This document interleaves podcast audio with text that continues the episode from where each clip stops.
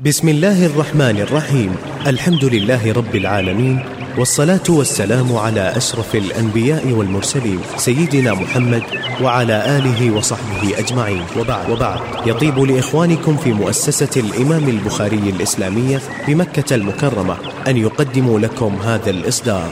جونة العطار. وابتغ فيما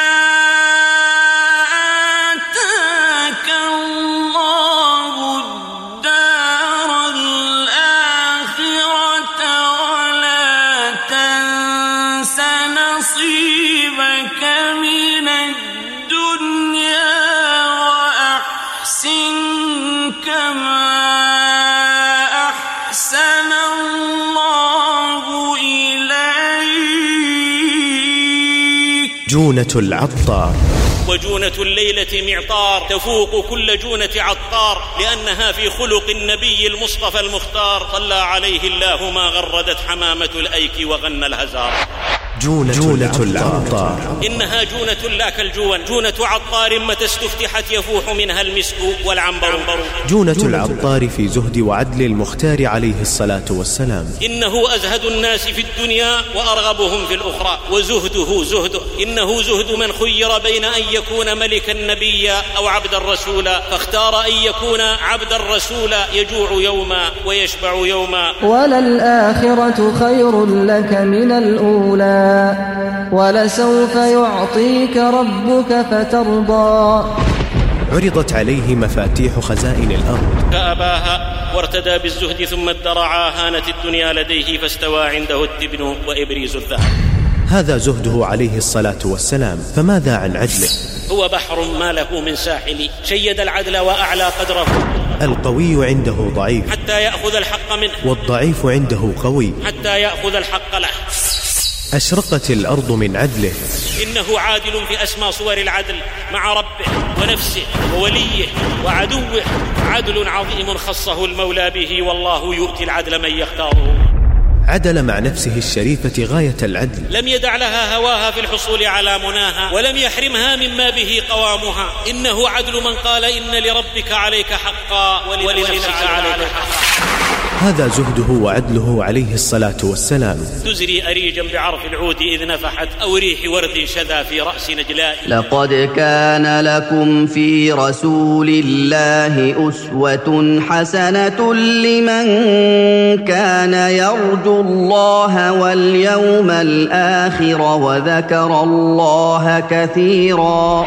وأما المتأمل في زماننا هذا قل فيه الزهد والعدل. وانكشف المستور وبانت الحقيقة والصبح ما فيه لعين ريبة. استبان سبيل المجرمين وعلى الأمة أن تحذره وظهر مكرهم وكيدهم وعليها بالحزم والحسم أن تبطله مستعينة بالله. إن الله سيبطله الذين آمنوا يقاتلون في سبيل الله والذين كفروا يقاتلون في سبيل الطاغوت. فقاتلوا أولياء الشيطان إن كيد الشيطان كان ضعيفا. الكفر ملة واحدة يوالي بعضهم بعضا. ولن يرضيهم إلا أن نكون مثلهم كفارا وإن سالمناهم وهادنا. ولا يزالون يقاتلونكم حتى يردوكم عن دينكم إن استطاعوا. يا, يا أمة محمد. لا تأمنن عدوا ولو دنا للمنية فحية السم تدعى في حالة الموت حية. الصفويون الفرس وأذيالهم من الحوثية والنصيرية وحزب اللات وأبي رغال وابن أبي وابن ملجم أعداء الأمة. رسالة من القلب. يا جندنا المرابطين في ثغر الجنوب وفي كل الثغور. يا جندنا في الشام واليمن يا أيها الأبرار. يا من نفضتم عن عزائمنا الغبار. يا من غرستم في فؤاد الفرس رمحا. سوف يسقيه المنون بإذن من أنزل نون. إن الله اشترى من المؤمنين أنفسهم وأموالهم بأن لهم الجنة.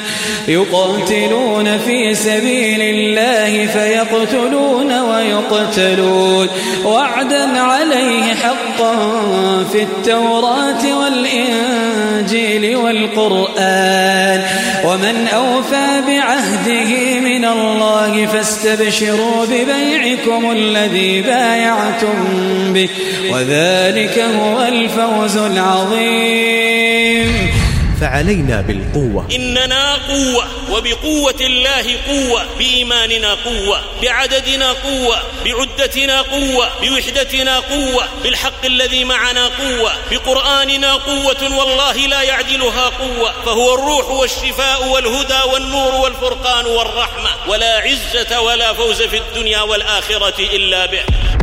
فدستورنا القرآن ومنهجنا سنة المختار. فإلى أخلاق القرآن في سيرة وشمائل من خلقه القرآن عليه الصلاة والسلام. تنعش الروح وتروي القلب ري. هام قلبي في هواها واكتفى بهواها عن هوى هند ومي. وكفاني شرفا أني ما زلت مشهورا بها في كل حي. تجري مع النفس جري الماء في العود. نشواك أن شربت من بنت عنقود. تزرع النور بأحشاء الدجى. وترد العزم في نفس الكليل جونة, جونة العطار ومعناها لا يحتاج إلى بيان. محاضرة لفضيلة الشيخ علي بن عبد الخالق القرني. وقبل الوداع خذها لأنها في خلق النبي المصطفى المختار. صلى عليه الله ما غردت حمامة الأيك وغنى الهزار. والآن مع المحاضرة. الحمد لله. الحمد لله معز الإسلام بنصره ومذل الشرك بقهره. ومصرف الأمور بأمره ومديم النعم بشكره. جعل الأيام دولا بعدله والعاقبة للمتقين بفضله وأظهر دينه على الدين كله. نحمده على القدر خيره وشره ونشكره على القضاء حلوة ومره. أنعم على العاصي بستره ورزق الكافر مع كفره. ومن آياته أن تقوم السماء والأرض بأمره. وأشهد أن لا إله إلا الله وحده لا شريك له. شهادة ندخرها ليوم لا تظلم نفس شيئا وإن كان مثقال حبة من خردل أو ذرة. وأشهد أن محمدا عبده ورسوله أرسله الله بالهدى ودين الحق ليظهره على الدين كله. صلوات الله وسلامه عليه ما همت الأمطار وجرت الأنهار وعلى آله وأصحابه الأطهار لا سيما أبا بكر صاحب الغار وعمر فاتح الأمصار وعثمان شهيد الدار وعليا قامع الأشرار والمهاجرين والأنصار والتابعين الأبرار ما تعطرت الأفواه بالصلاة والسلام على المختار. صلى عليه بارئ العباد ما أمطرت سحب وسال وادي. يا أيها الذين آمنوا اتقوا الله حق تقاته ولا تموتن إلا وأنتم مسلمون. واتقوا يوما ترجعون فيه إلى الله. أما بعد فيا من أحسبهم بدور الغياهب بحور المواهب ذوائب الذوائب ينابيع الهدى وحل النوادي وأقمار الدياجي والدآدي ذوي الرتب المنيفات الرواسي بنات المكرمات على أساسي أزف لكم ومن أعماق قلبي تحيات جليلات الرواسي معبقة بأريج الورود مسربلة بالهنا والندى ملحنة بالمعاني العذاب لها ردد البان رجع الصدى. مشجيات يود كل ابن غصن أن أنغامها جرت من لهاته.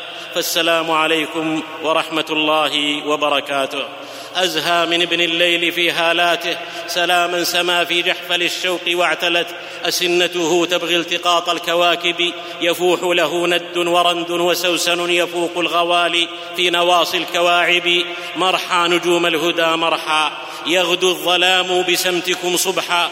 مرحى أرددها لكم مرحى ولقد أقول لغيركم برحا لا وقفت هممكم عند حد ولا أفاق عداكم من كد. دمتم مدى أيامكم في عافية ودار من يشنى هداكم عافية. ودام الأمن والإيمان فيكم دوام شريعة الهادي النبي. عليه من إله العرش أزكى صلاة بالغداة وبالعشي. معشر الإخوة مما لا يخفى أن العالم الإسلامي اليوم أصبح مسرحا لأحداث كبرى وملعبا لقوى عظمى عبر وكلاء. فلا تكاد ترى إلا الأشلاء والدماء. جرائم تهتز الجبال لهولها وينفطر القلب الحديد ويذهل فكم صبية طارت هناك رؤوسهم وغابت عن الأنظار أيد وأرجل وأصوات آلاف الثكى لا تزلزل مآسي الشام لم يشهد مثيلا لها التاريخ أو خطبا ثقيلا. يدمرها ويجعلها يبابا لقيط لا تقل هات الدليل. يموت الناس بالآلاف جوعا وخلف السور ما يعيي العقول. والقدس نادتنا ونادى المسجد وبها اليهود تجوس ثم تعربد. أركان يا لله تغرق في الأسى والكون يرقبها ولا من يعضد. وبين نارين العراق يا للعراق يذوب الفؤاد الحر مما يرى أسى وتنشق من أهل الضمير المرائر. إذا سكت المظلوم مات بغيظه وإن يتكلم أسكتته البواتر فلم يرفق هناك بضعف شيخ ولم يعطف على ذات السوار وما رقت قلوب الفرس لما علت أصوات أغلمة صغار. فرعون لو قيست عليه فعالهم لغدا مسيحا للهداية ينتظر. أما أبو جهل فيخجل عندما تتلى فضائعهم على سمع البشر. وفي اليمن يا لليمن. ذيل لاعلاج الفتن أبدلها صابا بمن. خلفوا القرامطة الأولى عاثوا هنالك كالبهائم. أعلنوا الحرب على الحكمة حتى لم يعد يخفي دعاواهم ستار. أكل الثور الذي فيه بياض والذي فيه اسوداد واحمرار. والذي فيه خطوط باهتات لا نراها والذي فيه اصفرار. والذي مشيته فيها ثبات والذي مشيته فيها ازفرار والذي يحمل قرنين ولكن ما لقرنيه على الرأس قرار. ألف ثور أكلت حتى سمعنا قصصا ينقلها عنها الحمار. لتتبين الحقيقة الناصعة التي لا تحتاج إلى إثبات أبدا وهي أن قضايانا لن يحلها أحد سوانا. وأن الأمة التي لا تملك القوة للدفاع عن نفسها لا تستحق الحياة. فالضعيف لا قيمة له ولا حساب. والقوي مهاب يحسب له ألف حساب ومرابض الليث الهمام يهابها أعتى الكلاب. من كان في نفسه أرضا موطأة تطأه من كل شيء حوله قدم ومن تكن نفسه بحرا ترجرجه أمواجه لم يزل يدوي ويلتطم. والتاريخ في حاضره وماضيه شاهد بذا. ما خرج الرومان من بلاد العرب إلا بالقوة. وما طرد الصليبيون وهزم التتار إلا بالقوة وما خرج المحتل من الجزائر وبلاد الأفغان إلا بالقوة. وشهدت عاصفة الحزم أن أفصح لغة يفهمها العدو هي لغة القوة والقوة الحق. شهدت بذاك خزيمة وكفى خزيمة شاهدا. قالها الحزم أنا ما مت بعد؟ لم يزل في أضلعي برق ورعد. خالد ينبض في قلبي وسعد. قائلا قبل وبعد لا يقيمن على الضيم الأسد. حرك البلبل عطف ربوة كان فيها البوم بالأيك انفرد. غرد البلبل من عالي الغضاء. إنما بالسيف من جد وجد.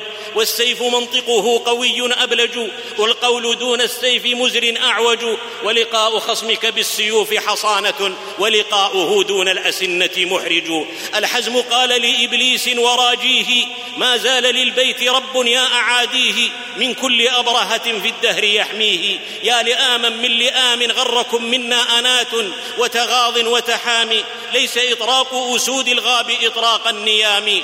كلنا يا فرس سعد في الوغى كلما عدتم أعدناها فتية. واذكروا أرماث من قبل ويوم القادسية. إننا أهل الحمية ليس نرضى بالدنية. عرب ويخزى كل أعداء العرب.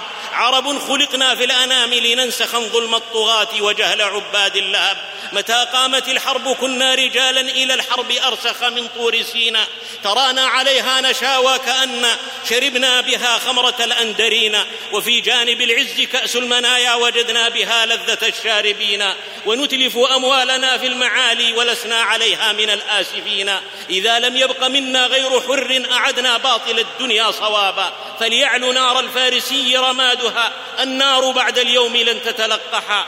كم عربد الإيوان في جبروته حتى إذا بيض الصوارم عربدت في ساحتيه وفوق سدته صحا ويا رب راء نفسه ليث غابة ولكنه عند الكريهة ثعلب ولا غرو إن الفار يرتع خاليا فإن لاح طيف الحزم فالجحر أنفع وما زال طيف الحزم يملي ويرقم ألا إن حكم السيف حكم مسلم ومن يبغ حقا دون سيف فإنه كحالب تيس بالأباطيل يحلم وما زال برق الحزم يحدو بجنده يا حماة الدار أنتم أهلها وسواكم حاميا ليست تريد. إنني أبصر سعدا بينكم وصلاح الدين ذا وابن الوليد. عبق التاريخ في أردانكم أشعل الشريان مني والوريد. قائلا لابن العهار عد لبيت النوبهار. الشام بغداد صنعاء تلعنكم وتلعن رستما وتصيح ثاري أين المفر ولا مفر؟ وهذه أسد البراري قد عاد سعد والمثنى والغفار. وسراقة الموعود يهتف أين يا كسرى سواري؟ وهفت بنا الذكرى إلى ذات السلاسل والمذار. عدنا فعودوا مثل ما كنتم ولوذوا بالفرار. أو فاثبتوا حتى تصيروا جيفا في ذي الصحاري ليس في ساحل الوغى منزلة للذي يبغي لقانا بين بين. إننا قوة وبقوة الله قوة بإيماننا قوة بعددنا قوة بعدتنا قوة بوحدتنا قوة بالحق الذي معنا قوة بقرآننا قوة والله لا يعدلها قوة فهو الروح والشفاء والهدى والنور والفرقان والرحمة. ولا عزة ولا فوز في الدنيا والآخرة إلا به. ولن نجد وصفة للقوة أبلغ من عباراته القرآنية. اعتصموا ولا تفرقوا وأعدوا ولا تنازعوا واصبروا. وكتاب ربي لا يزال كعهده ومعاشر القراء في المحراب.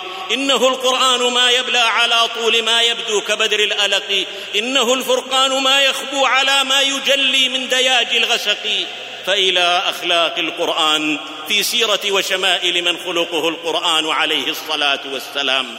تنعش الروح وتروي القلب ري. هام قلبي في هواها واكتفى بهواها عن هوى هند ومي. وكفاني شرفا أني ما زلت مشهورا بها في كل حي. تجري مع النفس جري الماء في العود. نشواك أن شربت من بنت عنقود تزرع النور بأحشاء الدجى وترد العزم في نفس الكليل فمن نفح إلى عرف وإيماض وإكليل مع رضاب ثم زرياب وجاد يلنجوج ووطفى والعرار بالأمس أدعوكم لشم المندل والنفح منه على مشارف جرول واليوم أعرض جونة العطار عذراء ترفل في ردى معطار تزري بعرف بشامة وعرار والورد والكاذي ونشر الغار والمسك في فاراته والند في أحقاقه والروض ذي الأنوار يسعى لها من مصرها وعراقها وحجازها والشام دون تمار وبحبها قد أفصحت أدباؤنا من سوس الأقصى إلى الأنبار والسر في ذا الحب قطعا أنها نفحت ببعض شمائل المختار صلى عليه الله ما نم الصبا بشذا رياض الزهر في الأسحار أو غنت الورقاء من طرب بها وترنمت بخمائل الأزهار جونة العطار ما جونة العطار؟ وصف جابر بن سمرة يد رسول الله صلى الله عليه وسلم وقد مسح بها خده بقوله فوجدت ليده بردا وريحا كأنما أخرجت من جونة عطار.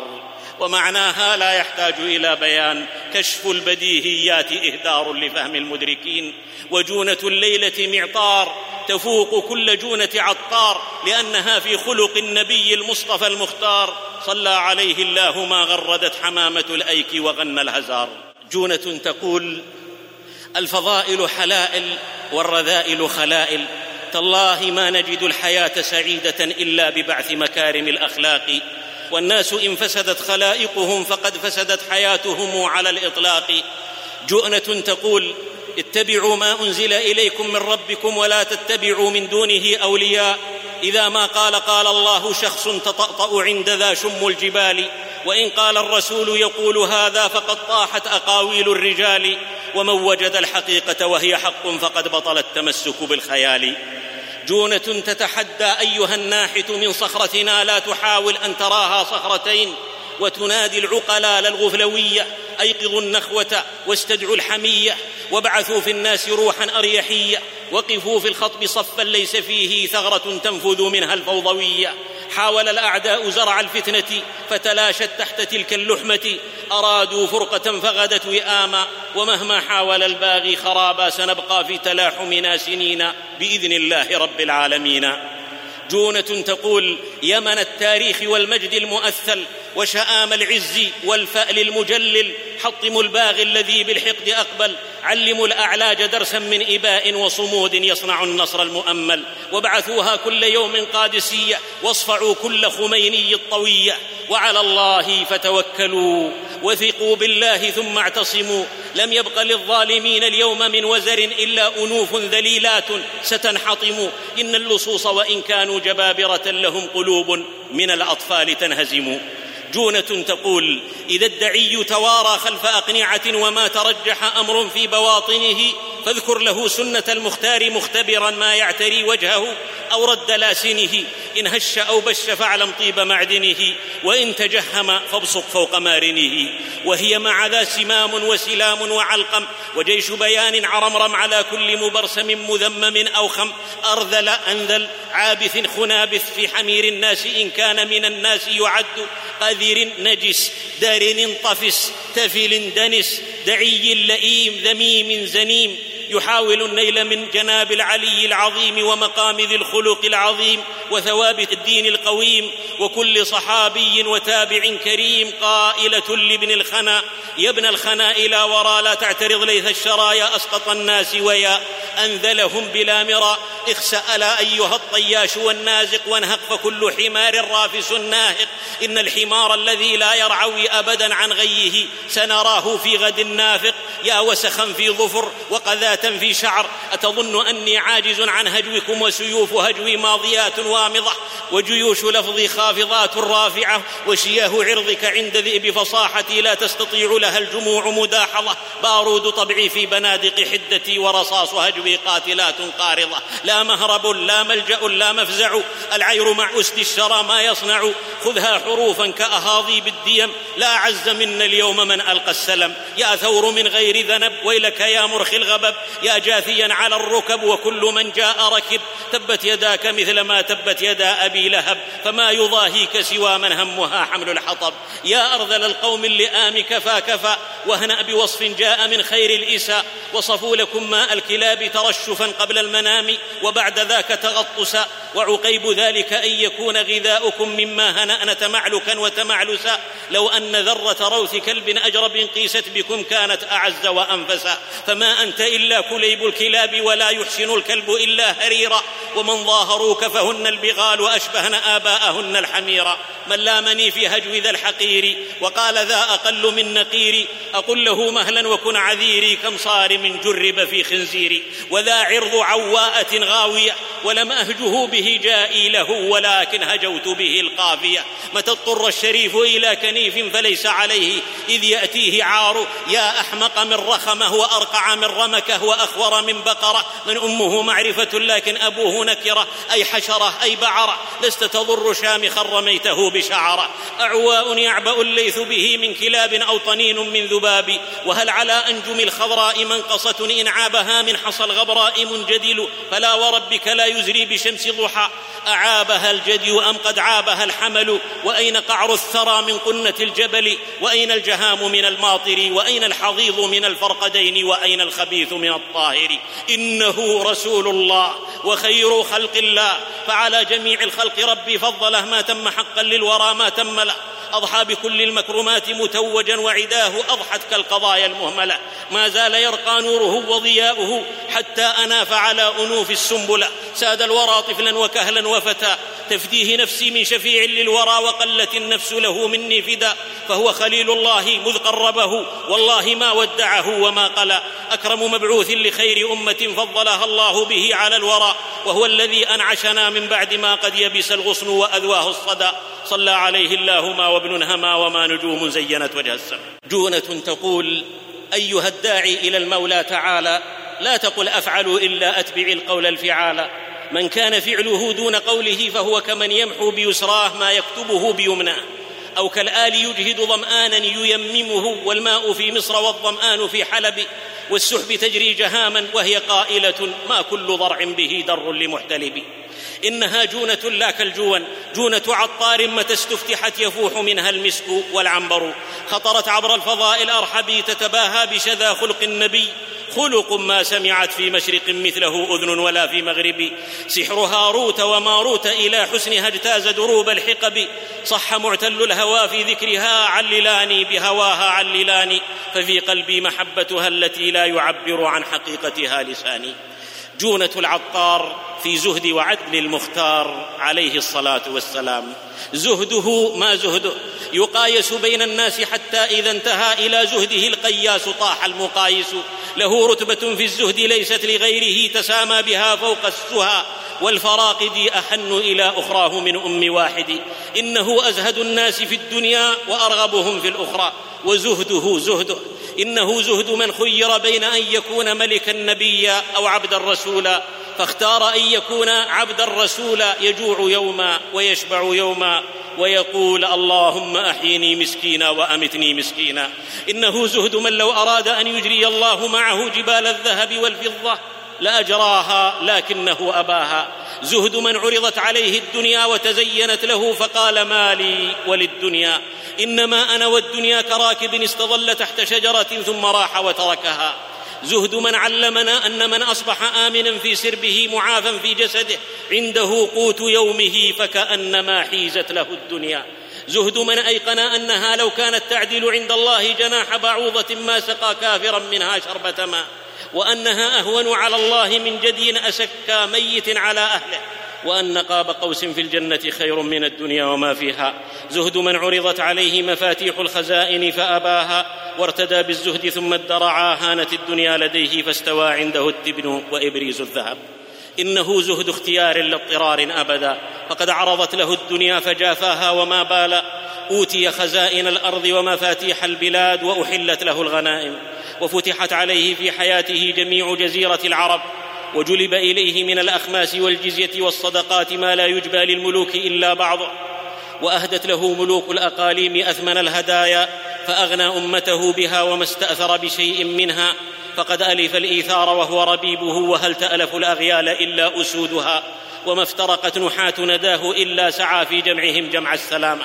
يقسم في حنين على الأصحاب والمؤلفة قلوبهم أربعة آلاف أوقية من الفضة ولا يحوز منها درهما ويوزع عليهم من الإبل أربعة وعشرين ألفا ومن الغنم أربعين ألفا ولم يأخذ شاة واحدة منها وأتاه مال من البحرين فقال انثروه في المسجد فما قام من المسجد وثم درهم منها.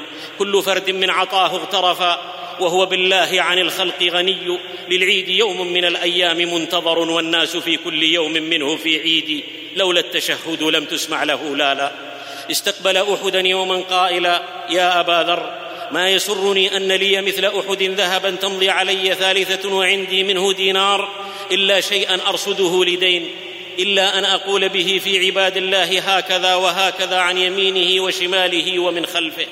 به الله زان الندى والعلا كما زان بالنيرين الفلك فما زال كالشمس في برجها وكل البروج لها في فلك. لقد كان الزهد شعاره ودثاره في كل شؤونه في مسكنه وفراشه وملبسه وطعامه وشرابه. وقد عرضت كنوز الأرض طرا عليه فلم يسو بها قلامه. يدوس بزهده قدم الثريا ولا يرضى الهلال له قلامه. مسكنه حجرات متقاربة الأطراف من لبن وطين سقفها من جريد يناله الغلام بيده. فيها تجد بحر زهد عند بحر تقى ففز لدى مجمع البحرين بالدرر. تزهى الملوك بدورها ونبينا تزهى به الدنيا فكيف الدور؟ صلى عليه الله ما أرسى بموضعه ثبير فراشه الذي ينام عليه من جلد حشوه ليف وكذا وسادته. رآه عمر على حصير قد أثر في جنبه فبكى. ما يبكيك يا عمر؟ قال كسرى وقيصر فيما هما فيه وأنت رسول الله في المكان الذي أرى. فقال أما ترضى أن تكون لهم الدنيا ولنا الآخرة؟ قال عمر بلى. هيهات أين من الصقور أباغث يوما وأين من الأعالي السافل؟ قال له ابن مسعود حين رأى أثر الحصير في جنبه لو اتخذنا لك وطاء قال ما لي وللدنيا والحال للدنيا أبيت فلها الوهاد وليس لي إلا مع العيوق بيت ووضعت عائشة على الباب نمطا ساترا بعد خروجه في غزاة فلما قدم وراءه عرفت في وجهه الكراهية فهتكه وقال ما معناه إن الله لم يأمرنا أن نكسو الطين والحجارة وفي لفظه ما تلوذ البروق بصيبه عند بخل الغمامه ملبسه ما ملبسه. يلبس ما تيسر له. يلبس الجبة والقميص والسراويل والإزار والرداء والخف والنعل والبرود اليمانية. يلبس الصوف تارة والقطن تارة. يلبس الناعم الجميل تارة فيرى في حلة حمراء لم ير شيء قط كان أحسن منه. ويلبس الخشن والغليظ تارة فيقبض في كساء ملبد وإزار غليظ كما أخبرت عائشة. ويقسم أقبية الديباج المنسوجة بالذهب على أصحابه فذا زهده مثل ما تسمعون تزول الجبال وما إن يزول. صلى عليه الله ما وابن هما وما نجوم زينت وجه السماء طعامه ما طعامه. لقد دعا وهو المجاب دعاؤه. اللهم اجعل رزق آل محمد قوتا. فما شبع من خبز حنطة ثلاثة أيام تباعا حتى فارق الدنيا. وما شبع من خبز شعير يومين متتاليين أبدا. وما شبع من خبز وزيت في يوم مرتين حتى لقي الله تعالى. يبيت الليالي المتتابعة طاويا وأهله لا يجدون عشاء. لا توقد النار في بيته ثلاثة أهلة. يأتي عليه وعلى آله الشهر ما يختبزون خبزا ولا يطبخون قدرا. وكانوا يخرجون الكراع بعد خمسة عشر يوما فياكلونه ثبت عند مسلم أن أبا طلحة رضي الله عنه رآه في المسجد يتقلب ظهرا لبطن وقد عصب بطنه. فأتى أم سليم وقال رأيت رسول الله صلى الله عليه وسلم يتقلب ظهرا لبطن وأظنه جائعا فهل من شيء؟ قالت نعم عندي كسر من خبز وتمرات. إن جاء وحده اشبعناه وإن جاء معه آخر قل عنهم. فأرسلوا له أنسا فقال له في استحياء يا رسول الله أجب أبا طلحة. فقال لمن معه وكانوا ثمانين قوموا فقاموا معه. وقدم الطعام له فوضع يده عليه ثم سمى ودعا بالبركة. فأكل الثمانون جميعا حتى شبعوا. ثم أكل هو وأهل البيت حتى شبعوا. وفضلت من ذلك الطعام فضلا. بركات بهرت كل الورى وسرت أخبارها في كل حي فعليه الله صلى كلما هيج الشوق بريق من كدي. وأتت عليه ثلاثون من بين يوم وليلة ما له من طعام يأكله ذو كبد سوى ما يواريه إبط بلال. ورؤي يلتوي وما يجد من الدقل ما يملأ بطنه قصده ضيف جائع يقول إني مجهود يا رسول الله فأرسل إلى أبياته كلها وكان الجواب واحدا والذي بعثك بالحق ما عندنا إلا الماء. خرج يوما من أبياته جائعا فلقي الشيخين أبا بكر وعمر رضي الله عنهما فقال ما اخرجكما الساعة؟ قالا الجوع يا رسول الله. قال وأنا والذي نفسي بيده لأخرجني الذي أخرجكم. وحسن الألباني رحمه الله أن كعب بن عجرة رضي الله عنه رآه يوما متغيرا فقال بأبي أنت وأمي ما لي أراك متغيرا؟ قال ما دخل جوفي ما يدخل جوف ذات كبد منذ ثلاث قول تهون به الدنيا وما فيها. مضى كعب إلى أحد اليهود فسقى إبلا له بتمرات كل دلو بتمرة ثم أتى بها رسول الله صلى الله عليه وسلم فأكلها وحال كعب. وحالي وحالك أفديك بالنفس والدنيا وما فيها والأهل والناس قاصيها ودانيها. هكذا عاش صلى الله عليه وسلم الزهد راغبا مختارا وإلا فهو أكرم على الله من أن يحوجه إلى طعام أو شراب لو أراده وهو من إذا واصل صيامه أطعمه الله وسقاه. ثم فتح الله عليه خيبر وغيرها وحاز الغنائم العظمى ولم يزل حاله مالي وللدنيا يبغي من الأخرى المكان الأرفع. تلذذ بالزهد إذ غيره تلذذ بالمال والأطعمة. صلى عليه الله ما وابن هما وما نجوم زينت وجه السماء وكان من هديه في طعامه كما أخبر ابن القيم في زاده. لا يرد موجودا ولا يتكلف مفقودا.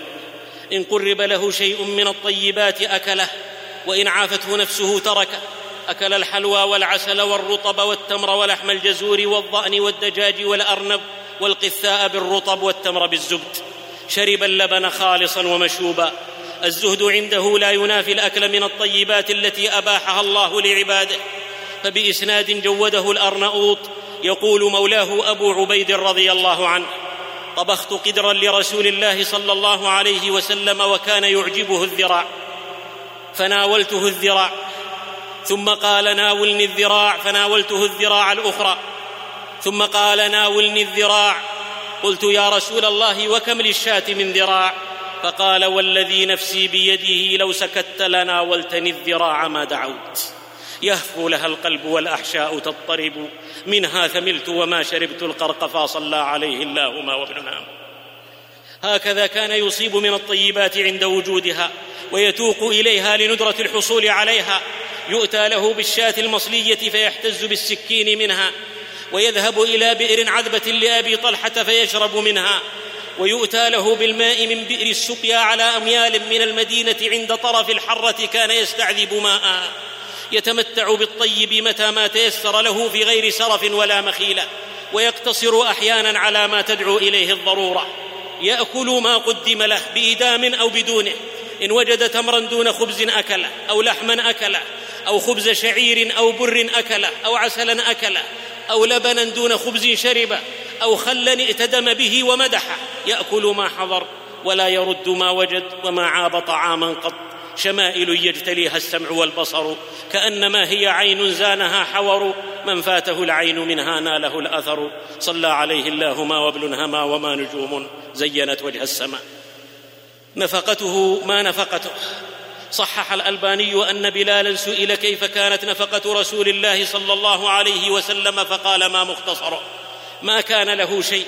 كنت أنا الذي ألي ذلك منه مذ بعثه الله إلى أن توفاه وكان إذا أتاه ذو حاجة أمرني أن أستقرض له فأطعمه وأكسوه. فقال رجل من المشركين يا بلال إن عندي سعه من مال فلا تقترض من أحد إلا مني. ففعلت واقترضت منه.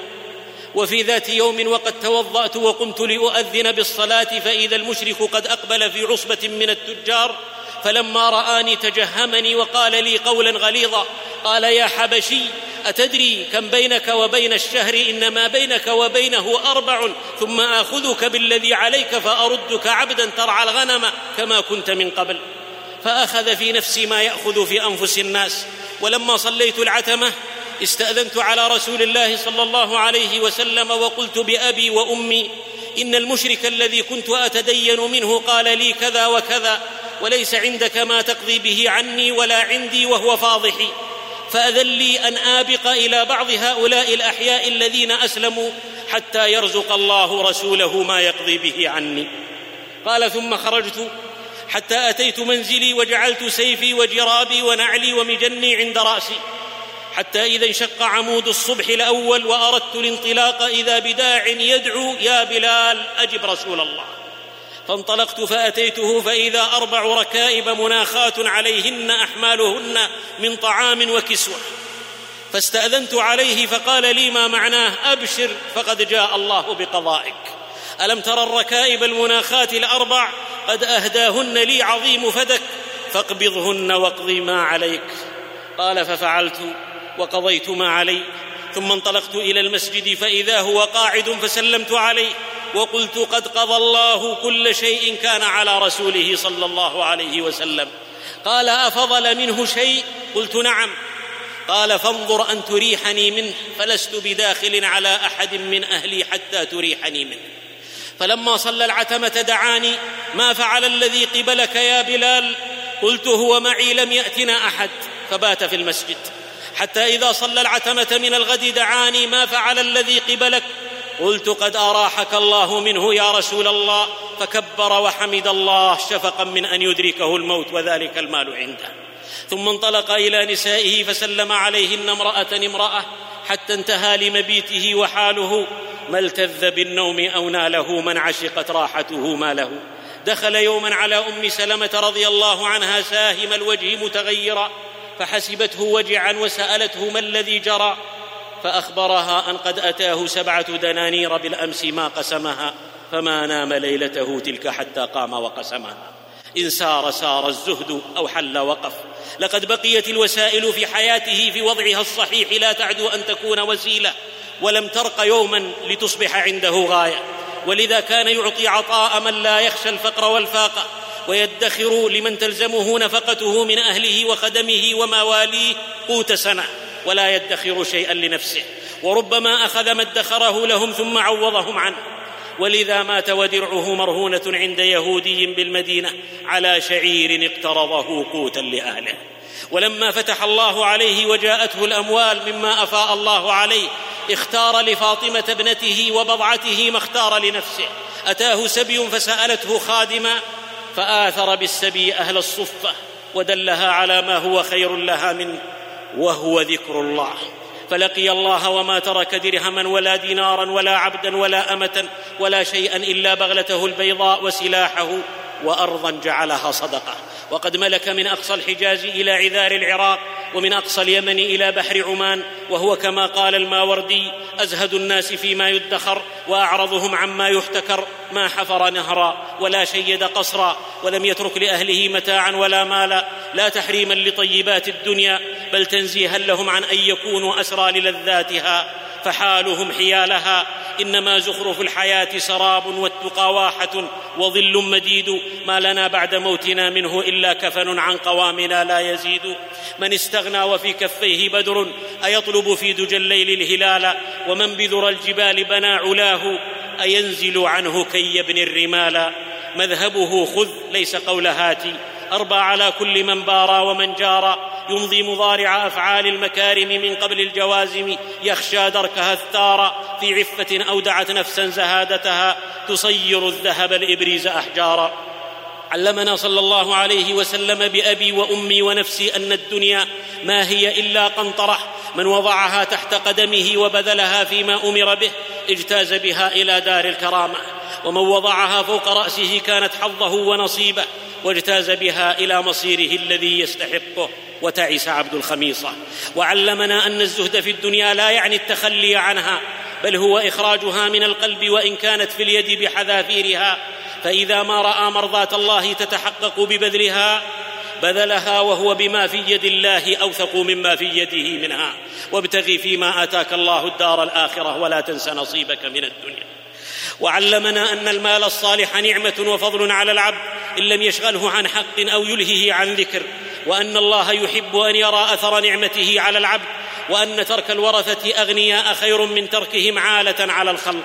وأن العبد لا ينفق نفقة يبتغي بها وجه الله إلا كان له أجر.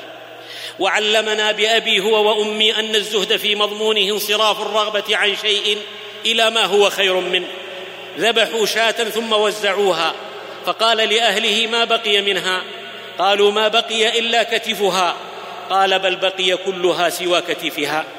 وأتى يوما بيت فاطمة فرأى على الباب سترا فلم يدخل عليها. فقالت ليأمر فيه بما شاء. فأمر أن ترسل به إلى أهل بيت فقراء. وقال يوما أيكم مال وارثه أحب إليه من ماله؟ قالوا ما منا أحد إلا ماله أحب إليه. قال فإن ماله ما قدم ومال وارثه ما أخر. مواقف فحواها والآخرة خير وأبقى. فالشاة بقي منها ما وزع على الفقراء لأنه استقر في الباقية ذخرا. وستر فاطمة لو بقي في الدنيا سيبلى. أما وقد سدت به حاجة مسلم فقد استقر رصيدا في الأخرى. ومال العبد حقا ما بذله ابتغاء مرضات الله في حياته الدنيا وأما ما يبقى بعده فقد أضحى لغيره ملكا. فالزهد في هديه سلوك إيجابي يدعو إلى البذل والعطاء واليد العليا عنده خير من اليد السفلى وأهون مخزون هي الدنيا. فلو نلتها بحذافيرها لمت ولم تقض منها الوطر فلا تنس يوما تسجى على سريرك فوق رقاب النفر. وقدم لذاك فإن الفتى له ما يقدم لا ما يذر. كن في الدنيا كأنك غريب أو عابر سبيل فما متاع الحياة الدنيا في الآخرة إلا قليل. ولي ولك أسوة في المصطفى. محمد أزهد من على الأرض مشى وأجود من أعطى العطايا وحثى. فليس للدنيا محل عنده ولا ينيل المال إلا بالحثى. صلى عليه الله ما هب الصبا واستقبلت أودية غيث السماء. واهتز غصن في الحدائق وانثنى. عدله صلى الله عليه وسلم ما عدله. هو بحر ما له من ساحل. شيد العدل وأعلى قدره بعدما أصبح أطلال الرمام. ولكم قامت على عدل له حجج كالشمس ما عنها غطي. وبآيات له قد أسلمت عدن الخير وصنعا والعدين. عدل في الغضب والرضا فما ظلم أحدا. وما جار في حكم أبدا. لو صور العدل تصويرا على رجل ما كان إلا هو اوصافا وتصويرا. العدل غريزة فطره الله عليها وزادها الوحي ترسيخا وتثبيتا. يتحرى العدل أن كان لا يتعدى العدل يبغي أربا ولم يعر غيره سمعا ولا بصرا. شهد في حداثة سنه مع عمومته حلف الفضول لنصرة المظلوم فأعجبه. وقال عنه بعدما الله بعثه لقد شهدت مع عمومتي حلفا ما أحب أن لي به حمر النعم ولو دعيت به في الإسلام لأجبت. نشتم نشر عبيرها فكأنما نشتم من روض العباهر نرجسا ومن أصغى للفظ فيه يتلى فليس تشوقه غزلان رامه وما برحت في كل معضلة له مناقب تروى بين باد وحاضر. يسبى زيد بن حارثة ويباع صبيا في الثامنة. ثم يوهب من حكيم لعمته خديجة فتهديه لنبي الله صلى الله عليه وسلم فهو ينعم في رعايته وكريم صحبته وأمه هناك ترسل الدمعة تلو الدمعة والزفرة تلو الزفرة ما تدري أحي فترجوه أم ميت فتيأس منه وأبوه يتحراه في كل أرض ويسائل عنه كل ركب ويصوغ في الحنين له أحرفا من دم بكيت على زيد ولم أدر ما فعل. أحي فيرجى أم أتى دونه الأجل؟ تذكرونيه الشمس عند طلوعها وتعرض لي ذكراه إذ أقبل الطفل. ساعمل نص العيس في الأرض جاهدا ولا أسأم التطواف أو تسأم الإبل. حياتي أو تأتي علي منيتي فكل امرئ فان وإن غره الأمل. وجاء الخبر بأن زيدا بمكة عند محمد بن عبد الله. فقدم حارثة وأخوه إلى رسول الله صلى الله عليه وسلم وقالا ما فحواه يا ابن عبد المطلب يا ابن سيد قومه قد جئناك في ابننا زيد فأحسن إلينا في فدائه. قال أو خير من ذلك؟ أدعوه لكم فأخيره. فإن اختاركم فهو لكم بلا فداء وإن اختارني فما أنا بالذي أختار على من اختارني أحدا. فقال أنصفت وزدت على النصف. فدعاه وقال من هذان يا زيد؟ قال هذا أبي وهذا عمي. فقال له قد خيرتك. إن شئت ذهبت معهم وإن شئت أقمت معي. فأعلنها تستنشق الروح عطرها وشنف منها كل سمع مهذب. قائلا ما فحواه. بل أقيم معك وأقسم. لو خيرت بين فراقكم وبين أبي لاخترت ألا أبا لي. فلست بساليكم ولست بتارك رباعكم ما دام أركان كبكبي. فقال ويحك تختار العبودية على الأهل والعشيرة والوالد والعم؟ قال هو الوالد والعم. إني رأيت منه شيئا ما أنا بالذي يفارقه ابدا أو يختار عليه احدا. لا أقال الله لي من حبه بيعة يوما ولا فكره هنا تمازج حبه بدمي ولحمي ومخي ثم خيم في فؤادي. فرضي وعاد ولرسول الله صلى الله عليه وسلم بالعدل والفضل شهد فأبو القاسم خير العالمين. رحمة عم بها الله الأنام. لو سمى العدل لأقصى غاية كان للعدل سناء وسناما. وما راء كمن سمع. القوي عنده ضعيف حتى يأخذ الحق منه. والضعيف عنده قوي حتى يأخذ الحق له. ما استنصره مظلوم فخذله. قدم الإراشي بإبله إلى مكة. فاشتراها أبو جهل ثم مطله والرجل غريب لا ناصر له. فوقف على ناد من أندية قريش يستنصرهم عليه والنبي صلى الله عليه وسلم عند الكعبة فقالوا له اذهب إلى ذلك الجالس فإنه ينصرك عليه. يريدون إحراج رسول الله صلى الله عليه وسلم إما أن يعتذر وفي ذلك إضعاف لموقفه في دعوته. وإما أن ينهض معه ويتلقى الرد القاسي والمعاملة العنيفة من عدو الله. أخذ هذا الرجل بمشورتهم وأقبل على رسول الله صلى الله عليه وسلم وهو لا يعرف أنه نبي. وقال له يا عبد الله إن أبا الحكم غلبني على حق لي قبله وقد سألت القوم النصرة فأشاروا إليك فخذ لي حقي منه. فنهض معه لا يبالي بما يواجهه. فأمر الملأ رجلا منهم أن يتبعه وينظر صنيعه. ومضى رسول الله صلى الله عليه وسلم حتى جاءه فضرب عليه بابا فقال من؟ قال محمد فاخرج إلي. فخرج وما في وجهه روح قد انتقع لونه. فقال أعط هذا الرجل حقه. قال نعم لا تبرح حتى أعطيه الذي له. فدخل وخرج إليه بحقه فدفعه إليه. ولا غرو أن صال ليث الشرى فراغ مخافته الثعلب. مضى رسول الله صلى الله عليه وسلم وقال للإراشي الحق بشأنك. فأقبل على نادي قريش قائلا جزاه الله خيرا فقد والله أخذ لي حقي. وجاءهم الرجل الذي بعثوه فقالوا ويحك ما رأيت؟ قال رأيت عجبا من العجب. والله ما هو إلا أن ضرب عليه بابه فخرج وما معه روحه فقال أعطه حقه فأعطاه. ثم ما لبث أبو جهل أن قدم فلاموه على ما كان منه فقال ويحكم والله ما هو إلا أن ضرب علي بابي وسمعت صوته حتى ملئت رعبا وخرجت إليه وإن فوق رأسي لفحلا من الإبل ما رأيت مثل هامته ولا أنيابه لفحل قط والله لو أبيت لأكلني. يسير وتصحبه دائما جيوش من الرعب لا تحسب مشاهد أخرسني لفظها فما لي لسان به أعرب. يقيم الحد على الشريف كما يقيمه على الضعيف فالناس لديه سواسية ولذا هابته الملوك والجبابرة. لما شفع أسامة في شأن فاطمة المخزومية غضب وتلون وجهه وأقسم على إقامة الحد حتى لو كان على أعز اهله على ابنته فاطمة التي وافق اسم السارقة اسمها فضرب المثل بها قائلا ويم الله لو أن فاطمة بنت محمد سرقت لقطعت يدها دبت كمثل دبيب الروح من جسدي وفي مجاري عروقي والشرايين وأشرقت الأرض من عدله فلم يبق في أفق غيهب. إنه عادل في اسمى صور العدل مع ربه ونفسه ووليه وعدوه عدل عظيم خصه المولى به والله يؤتي العدل من يختاره. تجلى العدل فيما بينه وبين ربه في اجلى صوره يوم آثر حق الله تعالى على حظ نفسه وقدم رضاه على هواه.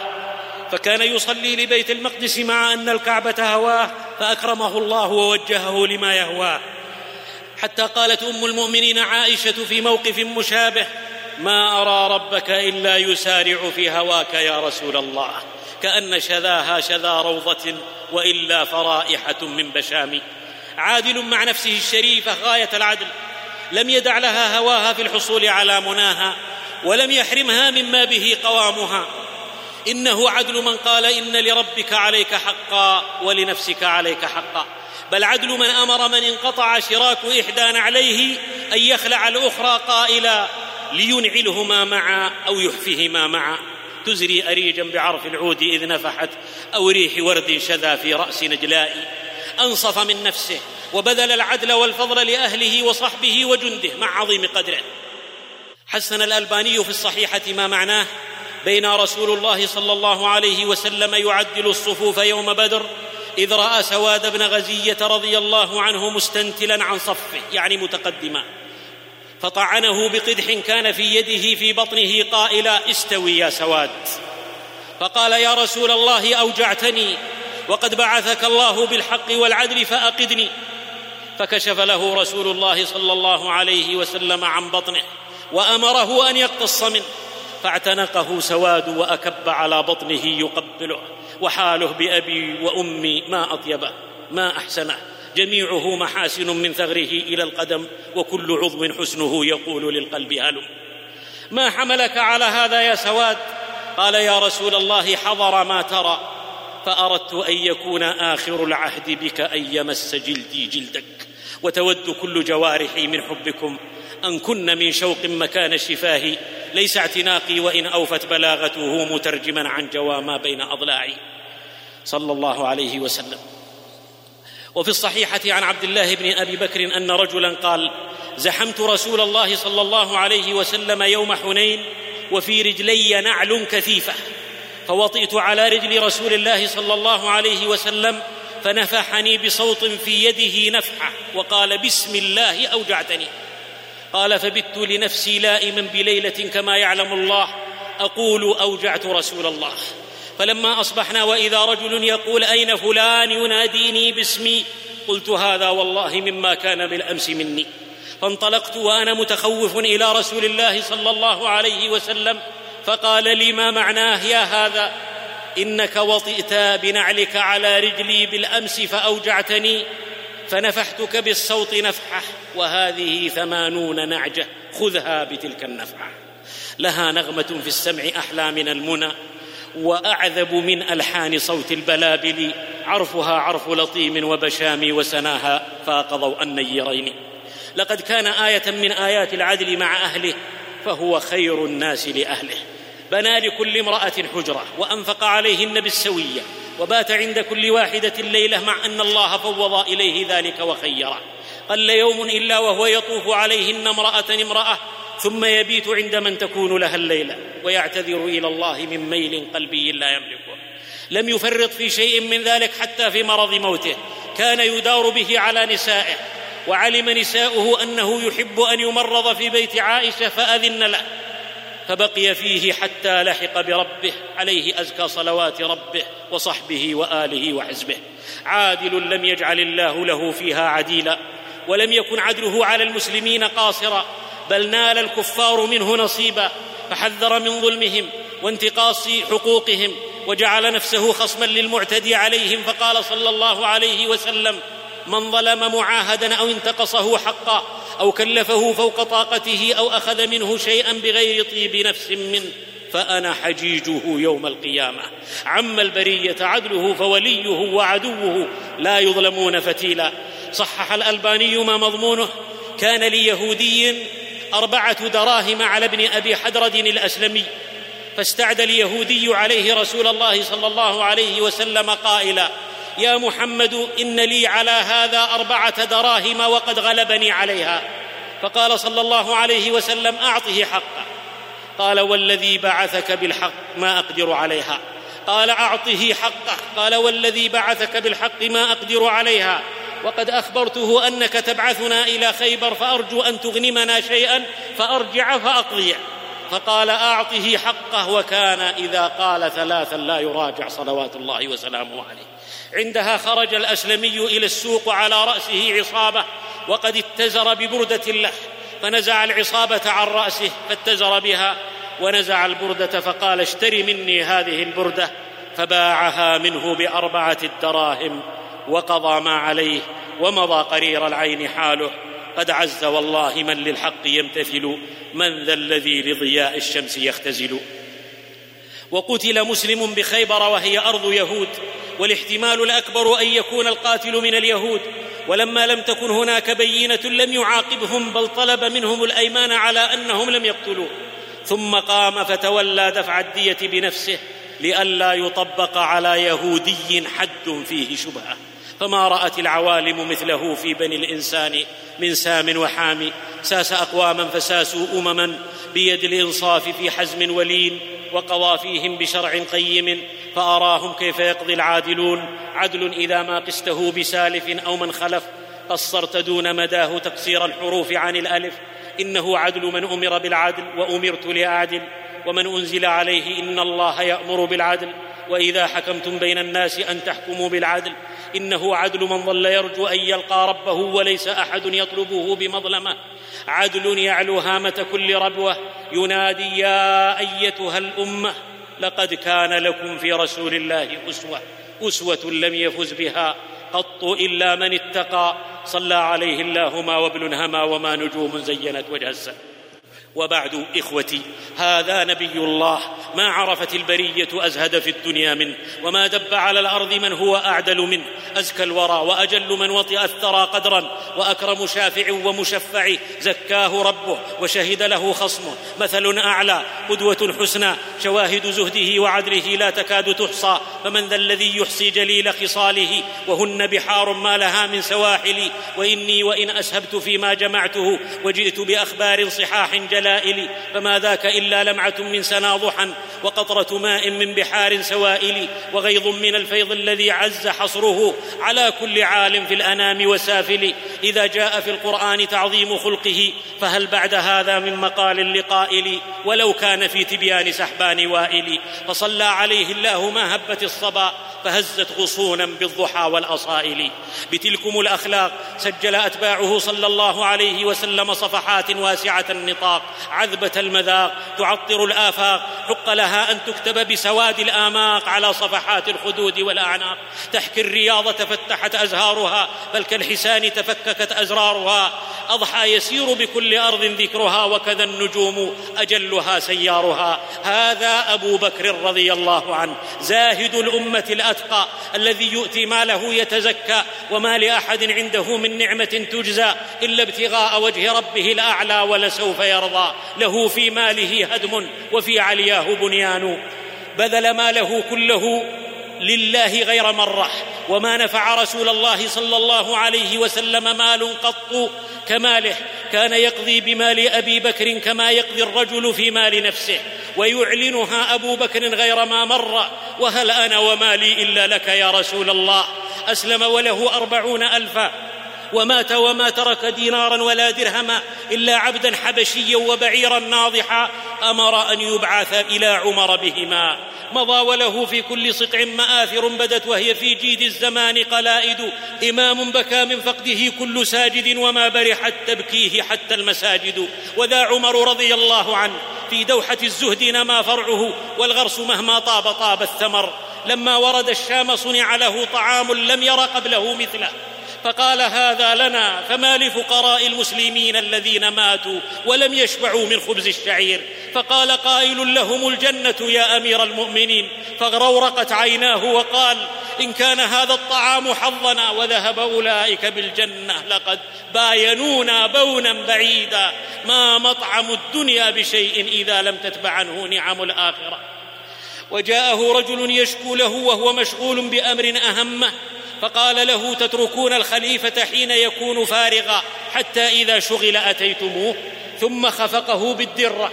ولما انتهى من شغله دعا بالرجل وأعطاه الدرة وقال اضربني كما ضربتك. فأبى وقال له قد تركت حقي لله ولك. قال إما أن تتركه لله وحده وإما أن تأخذه. وهذه الدرة. قال بل تركته لله. وانصرف عمر لمنزله وصلى ركعتين ثم جلس يخاطب نفسه. يا ابن الخطاب كنت وضيعا فرفعك الله وضالا فهداك الله وضعيفا فأعزك الله وجعلك خليفة فأتاك رجل يستعينك على دفع مظلمة فظلمته ما تقول لربك غدا إذا أتيت؟ وظل يحاسب نفسه حتى أشفق عليه من حوله رضي الله عنه وعمن ترضى عنه. وهذا ابنه عبد الله رضي الله عنه. كان له حمار أعجبه فباعه فقيل له لو أمسكته. فقال وقد عكف قلبه على الله. لقد كان لنا موافقا. ولكنه ذهب بشعبة من قلبي. فكرهت أن أشغل قلبي بشيء دون الله. كشهد شيب بالماء الزلال. ولولا أنها كلم لكانت عقود نحور ربات الحجال. وقدم لأبي عبيدة رضي الله عنه وهو بالشام طعام قل مثله. فقال اطعمتم الجند مثله؟ قالوا لا يتيسر مثله. قال لا حاجة لي فيه. بئس المرء أبو عبيدة إن صحب جنده فاستأثر عليهم بشيء يصيبه. حروف تهش إليها النفوس وتلقى القلوب بلا آذن. وذا معاوية رضي الله عنه منهاجه العدل وقمع الهوى وما لذا المنهاج منهاجي. أتاه رجل أيام صفين وقال له اصطنعني فقد قصدتك من عند أجبن الناس وأبخلهم والكنهم فقال ما مضمونه؟ من تعني؟ أجبني بالصريح ولا تكني. قال إنه علي. قال كذبت يا فاجر. والله ما كان الجبن منه قط. ولو كان له بيتان من تبر وتبن لأنفق تبره قبل تبنه. وما رايت احدا يخطب احسن منه. قم قبحك الله لا أنا منك ولا انت مني. ثم محى اسمه من الديوان ليبوء بالخذلان والحرمان. ويسمو معاويه لاشرف منزله ومكان. حاله أنا من علي وعلي مني. ما بيننا لا يقرب ولا يخرب. ما سبحت الحوت ودب العقرب. واني واياه كعين واختها. واني واياه ككف ومعصم مودته في مهجتي لا يزيلها خلاف ولا يبلي الزمان جديدها. وذاكم السلطان صلاح الدين ملك في زي مسكين حكم أكبر دولة إسلامية في عهده وهزم أقوى جيوش عصره. يقول عنه صديقه ابن شداد ما مضمونه ملك ما ملك مات ولم يوجد في خزائنه سوى سبعة وأربعين درهما حاله مالي وللدنيا. دنيا يعظم شأنها قوم وفي عيني تقل. إن لم تصل كفي لها فلدفعها رجلي تصل. وذاكم السلطان نور الدين زهد وعدل ومتانة دين. لا يأكل ولا يلبس إلا من ملك قد اشتراه من سهم أتاه من الغنيمة. لا يرى مالا أحل منه. أرسلت إليه زوجه تشكو الضائقة وتطلب زيادة النفقة. فاحمر وجهه وقال ما مضمونه لرسولها. من أين أعطيها ما يكفيها؟ والله لا أخوض نار جهنم في هواها وليس الغنى نشبا في يد ولكن غنى النفس ذاك الغنى. ولما كثر الشاكون من أن الأمراء والقادة يتعدون على أموال الرعية قام ببناء دار للعدل. يجلس فيها يومين في الأسبوع يتلقى شكاوى الناس من أمرائه وقادته. فارتدع أمراؤه وقادته بل قال قائده أسد الدين لنوابه والله لأن احضرت إلى دار العدل بسبب أحدكم لاصلبنه امضوا إلى من كان بينكم وبينه منازعة فأرضوه وافصلوا الحال معه. خروج جميع أملاكي من يدي أسهل من أن يراني نور الدين بعين ظالم. ولما بلغت المقالة نور الدين سجد شكرا لرب العالمين. ومن شكر الله يلقى المزيد ومن كفر الله يلقى الغير. وذاكم القاضي بن المظفر الحموي شهد عنده الفرغاني وهو ذو وجاهة عند السلطان والوزير. فرد شهادته لأنه يلبس الحرير. فقال تردني والسلطان والوزير يلبسان الحرير؟ قال نعم ولو شهدا عندي في باقة بقل ما قبلت شهادتهما. وإن عجمتم أنابيبي فلن تجدوا فيهن إلا صليبا غير خوار وذا عمر بن عبد العزيز رحمه الله أزاح عن الرعية كل جور وجدد من قواها كل عافي. هانت الدنيا عنده فردد كثيرا من شعره. ليس ملك يزيله الموت ملكا إنما الملك ملك من لا يموت. وفي سنتين ونصف جدد للأمة دينها ورد المظالم لأهلها وملأ الأرض عدلا وأصبح مناديه في كل يوم ينادي أين الغارمون؟ أين الناكحون؟ أين المساكين؟ أين اليتامى؟ يحيلهم على بيت مال المسلمين فأغناهم أجمعين. وذاع العدل في الغبراء حتى ظننا الشاء. تأنس بالذئاب ولاذ الناس في الأحداث منه بركن لا تزعزعه السوافي. فلو طار الأشج لكان صقرا ومن عاداه أمثال الغداف. وذاكم الشيخ التركي سليمان حلمي. تعود الا يشرب الماء بالقذى. ولم ترضى نفس الحر ما لم تعود. عمل في خدمة أمته طيلة حياته التي امتدت لاحدى وسبعين سنة. ولما صدر قانون تعطيل الشريعة وإلغاء المدارس الدينية وفصل معلميها الذين بلغوا أكثر من خمسمائة وقف محرضا لزملائه المعلمين قائلا إن الدين شرف لا يعلوه شرف وإنا ضمانه. فلو قام كل منا بتعليم أمور الدين لثلاثة في البيوت خفية لأمكن أن نربي الفا وخمسمائة فرد يمد الله بهم من عمر الإسلام في تركيا خمسين سنة. ولما أحجموا خوفا صرخ فيهم قائلا كيف تدعون وراثة النبوة؟ وأحدكم عاجز عن تعليم ولده. وانطلق يعلم خفية بمفرده. استأجر مزرعة بعيدة يخبئ فيها طلابه كأنهم عمال له يزرعون في الصباح ويعلمهم في المساء.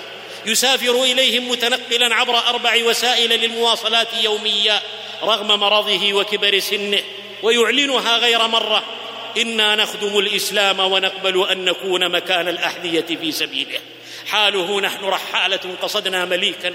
عز في ملكه الذي لا يزول. اشترانا منا فقلنا ربحنا. لا نقيل يا ربي ولا نستقيل. على ذا عاش باذلا لأمته. زاهدا في دنياه إلى أن لقي مولاه وهو يقول لطلابه في آخر وصاياه ما فحواه. لا يلهينكم القلق على المعيشة المعيشة تأتي راغمة. حاله ومن يتق الله يجعل له مخرجا وقد استحق الرعي من للماء يحيا والكلى. وذاكم السلطان عبد الحميد آخر سلاطين الدولة العثمانية. يوفد اليهود له ثريا من أثريائهم ليعرض عليه هدية خاصة وقرضا لخزينة الدولة الفارغة على أن يسمح لليهود بامتيازات في أرض فلسطين المباركة. وما أتم كلامه حتى نظر إلى من أدخله عليه. قائلا له هل تعلم ما يريد هذا الخنزير قبل أن تدخله؟ فأقسم له بعدم علمه. فالتفت إلى اليهودي وقال له اغرب عن وجهي يا سافل. فخرج أذل من عنز جربة وأمة مغتربة وبعث ببرقية يهدده فلم يأبه له. وحاولوا رشوته ثانية فابى قائلا ما مضمونه لن أتخلى عن شبر من أرض فلسطين الأبية لأنها ليست ملكا لي بل هي ملك الأمة الإسلامية. ووالله إن عمل المبضع في بدني أهون علي من أن أرى فلسطين قد بترت من إمبراطوريتي. وأوثر أن ينال دمي ومالي ومحبوبي عزيز لا ينال. وحاولوا ثالثة فقال والله لا يكون.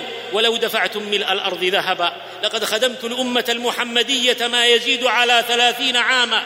ولن أسود صحائفي وصحائف الدولة العثمانية بالخيانة والعار أبدا. والحال لا يا قلب كن حجرا إذا ما قلبوه.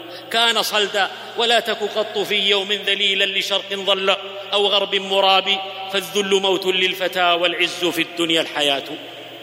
إنهم أتباع رسول الله أولئك الذين هدى الله. متى صدأ الناس لا يصدؤون كأنهم الذهب الأحمر. نقيون من كل ما شانهم بريئون من كل عار وذام. وليدهم في حجا كالكهول وواحدهم مثل جيش اللهام كأنك منهم على يذبل وإلا على هضبة من شمام. يا أيها الراكب المزجي مطيته يطوي بها الأرض من بيد إلى بيد. هذه مواردهم ليست بناضبة وذا الطريق إليها غير مسدود. لا تترك الماء عدا في مشارعه وتطلب الري من صم الجلاميد. أيها الجيل متاع الدنيا قليل. إنما الدنيا وإن سرت قليل من قليل. لعب ولهو وزينة وتفاخر وتكاثر.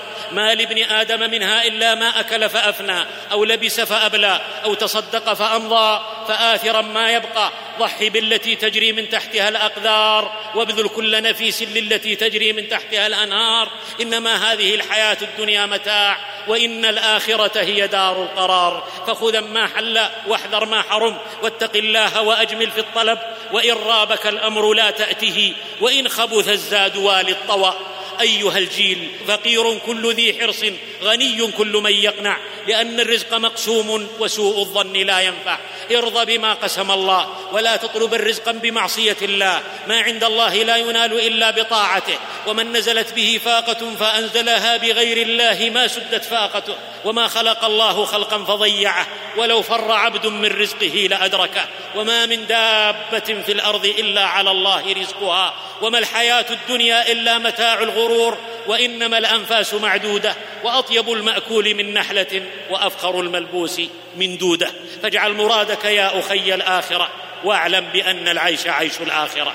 أيها الجيل قليل جميع متاع الغرور وطالبه من قليل أقل ولكن قليل يصون الوجه غير قليل. فإما شئت أن تحيا سعيدا سالما راضي تصبر وازهدا واقنع ولا تأسف على ماضي. ومن يستعفف يعفه الله ومن يستغني يغنه الله. ومن يتصبر يصبره الله. ازهد في الدنيا يحبك الله وازهد فيما عند الناس يحبك الناس. إن الغني من استغنى عن الناس وقد هان على الناس من احتاج إلى الناس. أيها الجيل عدلا في الغضب والرضا فما اكتسب المرء انجاله من العدل عند الرضا والغضب. العدل العدل. لا قدست أمة لا يحكم فيها بالعدل. لا يجرمنكم شنآن قوم على ألا تعدلوا. اعدلوا. اتقوا الله وبين أولادكم وأهليكم فاعدلوا. وإذا قلتم فاعدلوا. وإذا حكمتم فاعدلوا. وخذوا على يد السفيه والظالم واعدلوا. واحذروا ظلم من لا ناصر له إلا الله واعدلوا. ولا تركنوا إلى الذين ظلموا. واذكروا وتذكروا. يا عبادي إني حرمت الظلم على نفسي وجعلته بينكم محرما فلا تظالموا. يعرق الناس يوم القيامة حتى يذهب عرقهم في الأرض سبعين ذراعا ويلجمهم حتى يبلغ آذانهم. والمقسطون على منابر من نور عن يمين الرحمن.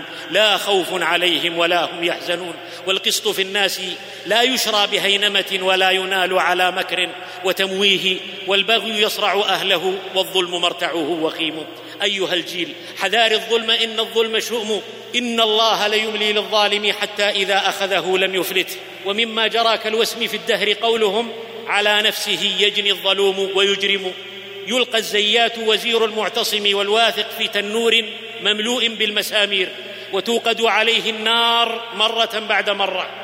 حتى هلك في قعر ذلك التنور الذي أعده هو بنفسه ليعذب به من لا يثق به ممن حوله. ومن أعد حفرة لغيره يسقط فيها غافلا في سيره. وكم من دولة ظالمة هوت في ساعة كان غالب الناس يعتقد بعد تلك الساعة. وكذلك أخذ ربك إذا أخذ القرى وهي ظالمة. باتوا على الظلم بغيا آمنين. وكم ثعالب صكها في النوم ضرغام. إن شاد قوم على البركان صرحهم فالويل للصرح من نار البراكين وما للذي يبنى على الظلم رافع وما للذي يبنى على العدل هادم. أيها الجيل رويدك جانب ركوب الهوى وجانب معاونة الظالم سنة ماضية ومقولة خالدة. من أعان ظالما بلي به. الخائن ابن العلقمي كان سببا في تقويض الخلافة العباسية بممالاه هولاكو وكانت نهايته على يد هولاكو وثعلب الصحراء قائد الألمان ذراع هتلر كانت نهايته على يد هتلر. وكذلك نولي بعض الظالمين بعضا. ولكل شيء آفة من جنسه حتى الحديد سطى عليه المبرد وما من يد إلا يد الله فوقها ولا ظالم إلا سيبلى بظالم فاعتبروا يا أولي الأبصار. أيها الجيل إنما دنياك يوم واحد فإذا يومك ولى لم يعد قعد الراضون بالدون فقم. إنما الماضي إذا هم عزم. لن تزول قدم عبد يوم القيامة حتى يسأل عن شبابه فيما أبلى. الشباب متعلق آمال الأمة. أساس كل نهضة عماد كل حركة روح الأمة بصادق الهمة. والشاهد شباب السلف واحدهم بأمة. وما عجب إذا سبقوا لفضل فإن السبق من شيم العتاق. مصعب والزبير وطلحة وسعد وعلي فتية تحملوا الجوع والحصار في سبيل الله وأكلوا ورق الشجر ولم يتجاوزوا السابعة عشرة. نعيم بن مسعود ما إن أسلم حتى خذل جيوش الأحزاب فحلت بهم الهزيمة. معاذ ومعوذ فتية في سن المرحلة المتوسطة اليوم. همهم في يوم بدر أن يقتلوا قائد الشرك أبا جهل لأنه يسب رسول الله فما زالوا به حتى جندلوه. في أحد رد رسول الله صلى الله عليه وسلم أسامة وزيدا والبراء وابن عمر ثم أجيزوا في الخندق وهم أبناء خمس عشرة. وعمير بن أبي وقاص يتوارى يوم بدر عن رسول الله خشية أن يستصغره ويرده. ورده لصغره فبكى فأجازه ليكرمه الله بالشهادة وهو ابن ست عشرة. وزيد بن ثابت أسلم وهو ابن التاسعة وقدم النبي صلى الله عليه وسلم مهاجرا وهو في الحادية عشرة. كتب الوحي لرسول الله وتعلم لغة اليهود في سبعة عشر يوما ليقرأ كتب اليهود لرسول الله صلى الله عليه وسلم وهو من جمع القرآن في عهد الصديق رضي الله عنه. وابن عباس فتى الكهول ترجمان القرآن وحبر الأمة. مات رسول الله صلى الله عليه وسلم وهو ابن ثلاث عشرة قد جمع المفصل كله. وعمرو بن حزم استعمله رسول الله صلى الله عليه وسلم على أهل نجران وهو في السابعة عشرة. وربيعة الرأي على حداثة سنه في مجلسه مالك والثوري والأوزاعي والليث وأبو حنيفة. وأحمد يتيم في عناية أمه يطلب الحديث وهو في السادسة عشرة ويحج ماشيا بكتبه وهو في العشرين من عمره. والبخاري قرأ الكتب المشهورة وهو ابن ست عشرة وصنف في قضايا الصحابة والتابعين وهو في الثامنة عشرة. هكذا كان شباب الأمة ولذا شادوا صروح العزة ومضوا شرقا وغربا فاتحين. والخير باق مستمر فكن أنت على الأثر وخذ لها بحرا وبر خل السكون منتصب. بهرا لنفس لا تكون طموحة ولها إلى طرق المعالي مسلك. إن المعالي لا تعطيك صهوتها وما سعت لك رجل في مساعيها. ومن طلب المعالي بالتواني سيدركها إذا شاب الغراب. يا أمة محمد صلى الله عليه وسلم سووا صفوفكم فالخطب مجهام. إن التفرق للأوطان هدام. اعتصموا بحبل الله جميعا ولا تفرقوا. ولا تنازعوا فتفشلوا. ولا تكونوا كالذين تفرقوا واختلفوا. فإن تفعلوا تخنع لكم أسد الشرى. وإلا عثت فيكم صغار الثعالب. وحدة المسلمين اليوم فريضة. والوقوف صفا واحدا في وجه أعداء الأمة ضرورة. والواحد ولو كان مسعر حرب مغوار لا بد له من رجال. خيط القطن الرفيع طفل يقطعه وعدد كثير منه يتعذر على أقوى الرجال قطعه. وقطرة من غيث تنزل لا تخد الأرض ولا تحرك الرمل. وقطرات مجتمعة سيل جارف يخد الأرض ويقتلع الصخر. كل جمع بلا اتحاد وإن كثر جمع قلة وله الذلة. لا تملك أمة ما نملكه من أسباب الوحدة. بنيان واحد جسد واحد ديننا واحد أمة واحدة عنصر واحد لغة واحدة همنا واحد في حياة وموت. من حدود الرباط إلى حضر موت. والكل صيد قد رماه الصائد. فاللحمة اللحمة على الكتاب والسنة. للجم كل عابث بأمن الأمة. وأمن بلاد الحرمين خاصة لأنها بيضة الأمة وقبلة الأمة ومأرز الإيمان وروح الأمة. الاتحاد أمر يدعو إليه الدين ويوجبه العقل ويؤيده التاريخ. ما أخذت به أمة أو قبيلة إلا على شانها وعز سلطانها وهابها أعداؤها. وما أفلحت بين الأنام قبيلة إذا ابتليت يوما بداء الضرائر. فكونوا كجسم واحد إن تألمت له شعرة تلقى الجميع تألما. إن المصائب علمت كدر القطا. كيف التآزر والظباء السنحا ومن يعتصم بالله يمس معززا ومن يغفل عنه تطأه المناسم يا أمة محمد صلى الله عليه وسلم لا تأمنن عدوا ولو دنا للمنية. فحية السم تدعى في حالة الموت حية. الصفويون الفرس وأذيالهم من الحوثية والنصيرية وحزب اللات وأبي رغال وابن أبي وابن ملجم أعداء الأمة أو أدوات الأعداء إنهم أهل الشقاق بل وأنصار النفاق وحمير بيد الأعداء تساق ومطايا لجميع الغادرين وقناطر كلما أطرق حادينا عليها يعبرون وقباقب حسب المقياس دوما يلبسون. خونة لم يسجل لهم موقف في نصرة الإسلام وأهله. بالأمس يتحالفون مع التتار واليهود والصليبيين واليوم مع كل مخرب وعدو للدين. ففي الشام والعراق واليمن بهمجية يفجرون ويذبحون ويحرقون ويهددون ويهجرون. يهدمون المساجد والدور ويقتلون العلماء والرموز. وبالموت لإمريكا يجعجعون وما هم إلا بغالها. يسيرون في ركابها وينفذون مخططاتها. سقط القناع وانكشف المستور وبانت الحقيقة والصبح ما فيه لعين ريبة. استبان سبيل المجرمين وعلى الأمة أن تحذره وظهر مكرهم وكيدهم وعليها بالحزم والحسم أن تبطله. مستعينة بالله إن الله سيبطله. مدركة حقيقة من صلب عقيدتها إن كيد الشيطان كان ضعيفا. أظهر الذئب غدره فاعدوا له العصا. عصر التغاضي ادبرا صار القطار نافثا دخانه وصفرا والثور إن جن فلا دوا سوى أن ينحرا تبا له من لم يعش ولم يمت. غضنفرا يا جندنا المرابطين في ثغر الجنوب وفي كل الثغور. يا جندنا في الشام واليمن يا أيها الأبرار. يا من نفضتم عن عزائمنا الغبار. يا من غرستم في فؤاد الفرس رمحا. سوف يسقيه المنون بإذن من أنزل نون. إن الله اشترى من المؤمنين أنفسهم وأموالهم بأن لهم الجنة يقاتلون في سبيل الله. إنها البيعة مع الله. لا يبقى معها للمؤمن شيء في نفسه ولا ماله يمسكه دون الله وجهاد في سبيله والثمن الجنة وهو ثمن لا تعدله السلعة ولكنه فضل الله ومنه ووعده الذي كتبه على نفسه ومن أوفى بعهده من الله. فاصدقوا الله وأحسنوا النية ولا تعجبوا بكثرة أو قوة واحذروا المعصية واستحضروا ما أعده الله لمن جاهد في سبيله من نصر وأجر وغنيمة أو شهادة وكرامة. لن تمس النار عينا باتت تحرس في سبيل الله. ومن قاتل في سبيل الله فواق ناقة. فقد وجبت له الجنة.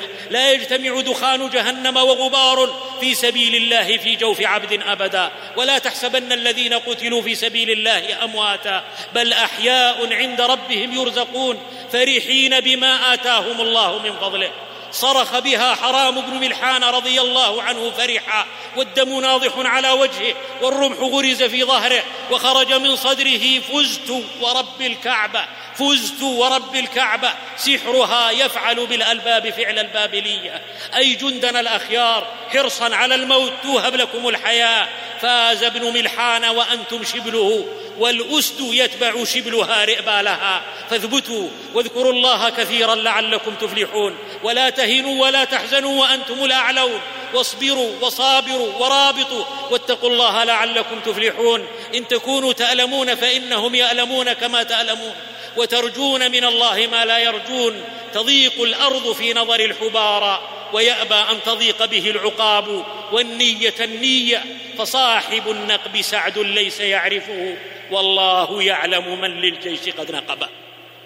يا أمة محمد صلى الله عليه وسلم خير سبيل المال تفريقه في طاعة الله وتمزيقه.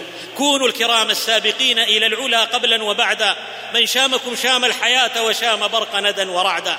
في أمتنا اليوم فقراء لا مال لهم نساء لا عائل لهم أيتام لا يجدون قوت يومهم مشردون لا مأوى لهم مظلومون لا ناصر لهم أسرى لا فاك لهم جرحى لا دواء لهم. ومن لم يهتم بأمر المسلمين فليس منهم. يا ابن الإسلام أطعم جائعا أسعد عائلا انصر طريدا أنقذ شريدا اكفى اليتيما إكس عاريا داوي جريحا جاهد بالمال وأنت قاعد وبه صم وأنت آكل شارب به علم القرآن وادعو إلى سبيل ربك وأنت في بيتك واغتنم غناك قبل فقرك وحياتك قبل موتك لا خير في المال إلا أن تقدمه. إن لم تقدمه ما ترجو من المال. من أنفق نفقة في سبيل الله كتب الله له بها سبعمائة ضعف. هذا أقل الموعود. والله يضاعف لمن يشاء. ومع ذا فالشيطان يعدكم الفقر ويأمركم بالفحشاء. ما يخرج رجل شيئا من الصدقة حتى يفك بها لحيي سبعين شيطانا. والله يعدكم مغفرة منه وفضلا. فعاجلوا الفرصة قبل الردى وأنفقوا من مال الله واتقوا النار ولو بشق تمرة.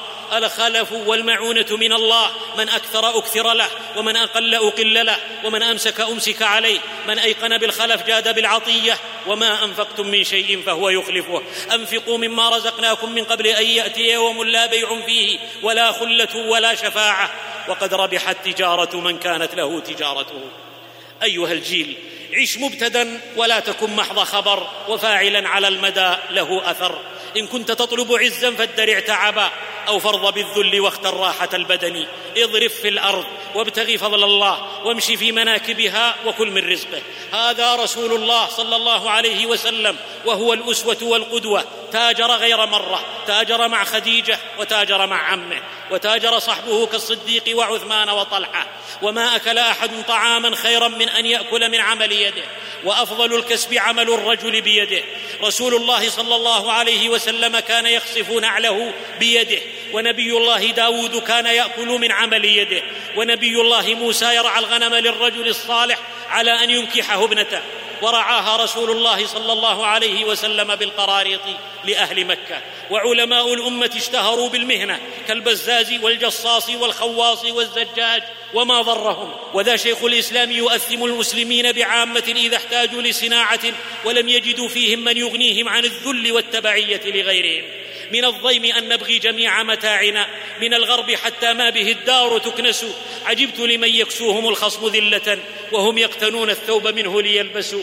ومن لم يكن من كفه متنفسا فليس له من أنفه متنفس.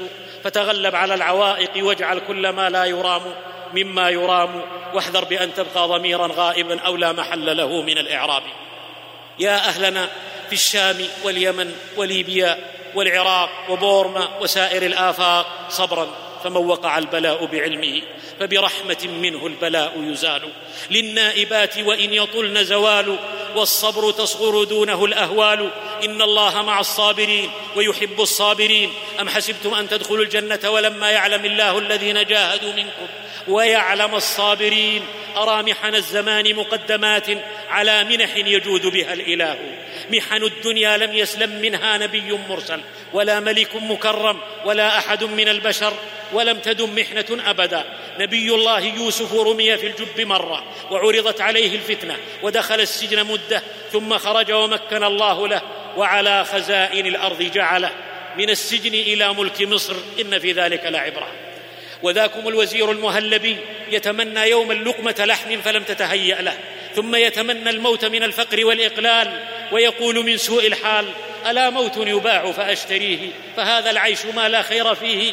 إذا أبصرت قبرا من بعيد وددت لو أنني مما يليه.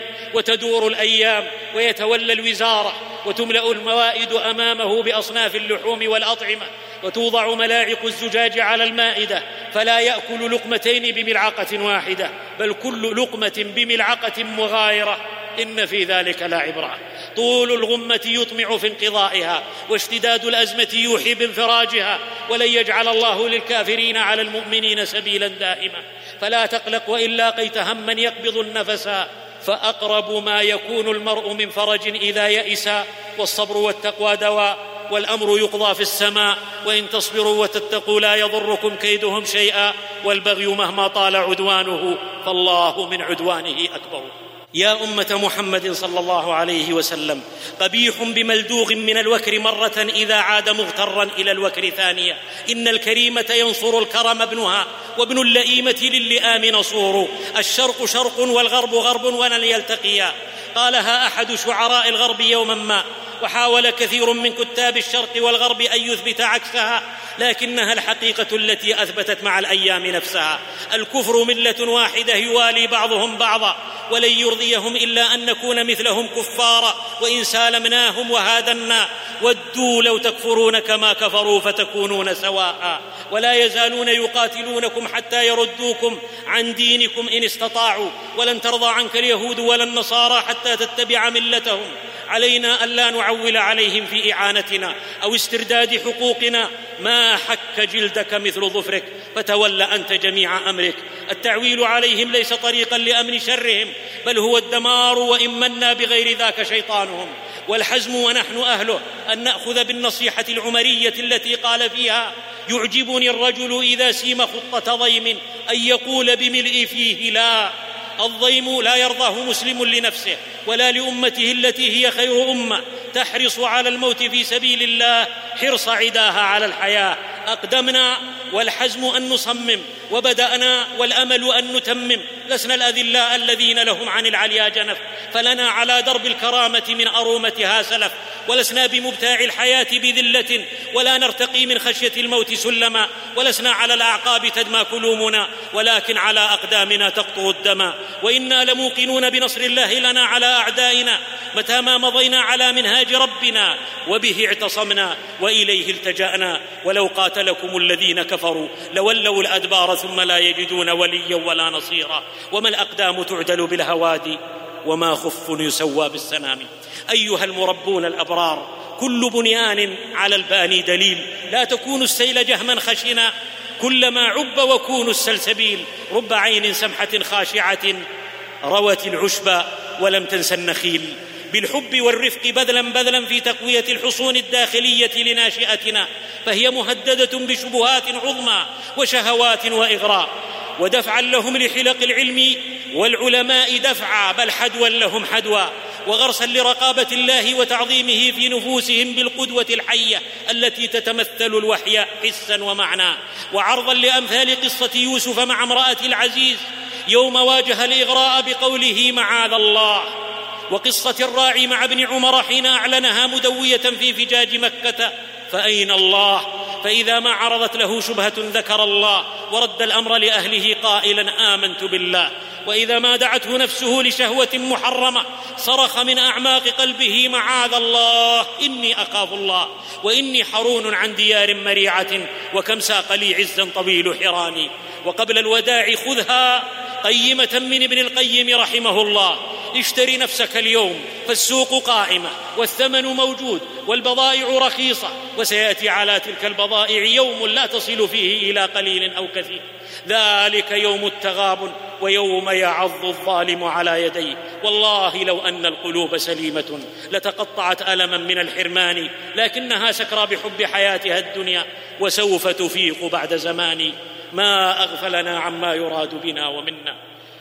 ومغفرتك يا رب أوسع لنا من ذنوبنا ورحمتك أرجى من أعمالنا. مختصر القول معشر الإخوة. لقد كان لكم في رسول الله أسوة. فخير الهدى هدي خير الورى وشر الأمور اتباع الهوى. أخيرا أيها الأخيار دونكم جونة العطار. سلع الزهد وحمى العدل. رياحينها قد ملأنا الفضاء فلم تخل من عطرها ناحية. على كل مائسة صادح وفي كل وارفة شادية. علل العيسى وحثحثها قليلا علها تدرك من سلع مقيلا. وأجل ذكر الحمى في سمعها فبه تطوي الفلا ميلا فميلا. سر بها القصد إذا ما فترت فإذا ارتاحت فسيرها الذميلا ووداعا ووداعا وإلى. ملتقا إن لم يحل من حائل. يا رب أسكنا فسيح جنتك والنار منها نجنا برحمتك. واغفر لنا ما كان من ذنوبنا وزين الإيمان في قلوبنا. ثم إلينا كره الطغيان والكفر والفسوق والعصيان. اللهم انصر دينك وكتابك وسنه نبيك وعبادك المؤمنين. نسألك باسمك الأعظم وبأسمائك الحسنى ما نعلم منها وما لم نعلم. أن تجعل بلادنا بلاد الحرمين خاصة وبلاد المسلمين عامة. واحة أمن وأمان وإيمان. ما دام النيران يا بديع يا منان. ومن أرادها بسوء أو فتنة أو عبث بامنها أو إيمانها فكن له بالمرصاد وأهلكه هلاك عاد. اللهم لا ترفع له راية ولا تحقق له غاية واجعله لمن خلفه عبرة وآية. اللهم إنا نسألك بعزتك وقدرتك وجبروتك وكبريائك وعظمتك أن تكون لولي أمرنا وجندنا المرابطين وعلمائنا على الحق مؤيدا ونصيرا وظهيرا ومعينا. اللهم انصرهم بالإسلام وانصر الإسلام بهم واحفظهم من بين أيديهم ومن خلفهم وعن أيمانهم وعن شمائلهم ومن فوقهم. ونعوذ بعظمتك يا رب أن يغتالوا من تحتهم. اللهم أفرغ عليهم صبرا وثبت أقدامهم. وانصرهم على القوم الكافرين والباغين. اللهم أعطهم من الخير فوق ما يرجون. واصرف عنهم من السوء فوق ما يحذرون. وأذل بهم أعداء الملة والدين. ونسألك اللهم بعزتك وقدرتك وجبروتك وكبريائك وعظمتك أن تذل الطغاة الصفويين وأعوانهم. وأذنابهم من حوثيه ونصيرية ومشركين ومنافقين ومخربين وعابثين. اللهم احصهم عددا واقتلهم بددا ولا تغادر منهم أحدا. رباه يا رب العباد وناصر المستضعفين يا قاصم المتجبرين ويا أمان الخائفين يا من يقول إذا أراد الشيء كن فورا يكون احفظ بلاد الحرمين واحفظ شآما واليمن وعراقنا والمسلمين وأذل جمع الظالمين واشف صدور المؤمنين اللهم أصلح أحوال المسلمين في كل مكان اللهم ول عليهم الأخيار وباعد عنهم الفجار والأشرار يا واحد يا قهار اللهم إنا نعوذ بك من زوال نعمتك وتحول عافيتك وفجاءة نقمتك وجميع سخطك. اللهم إنا نسألك قلوبا سليمة وألسنة صادقة وإيمانا لا يرتد ونعيما لا ينفد ومرافقة نبينا صلى الله عليه وسلم في أعلى جنة الخلد. ربنا آتنا في الدنيا حسنة وفي الآخرة حسنة وقنا عذاب النار ونسأل الله عظيم المنة أن ينصر الحق وأهل السنة.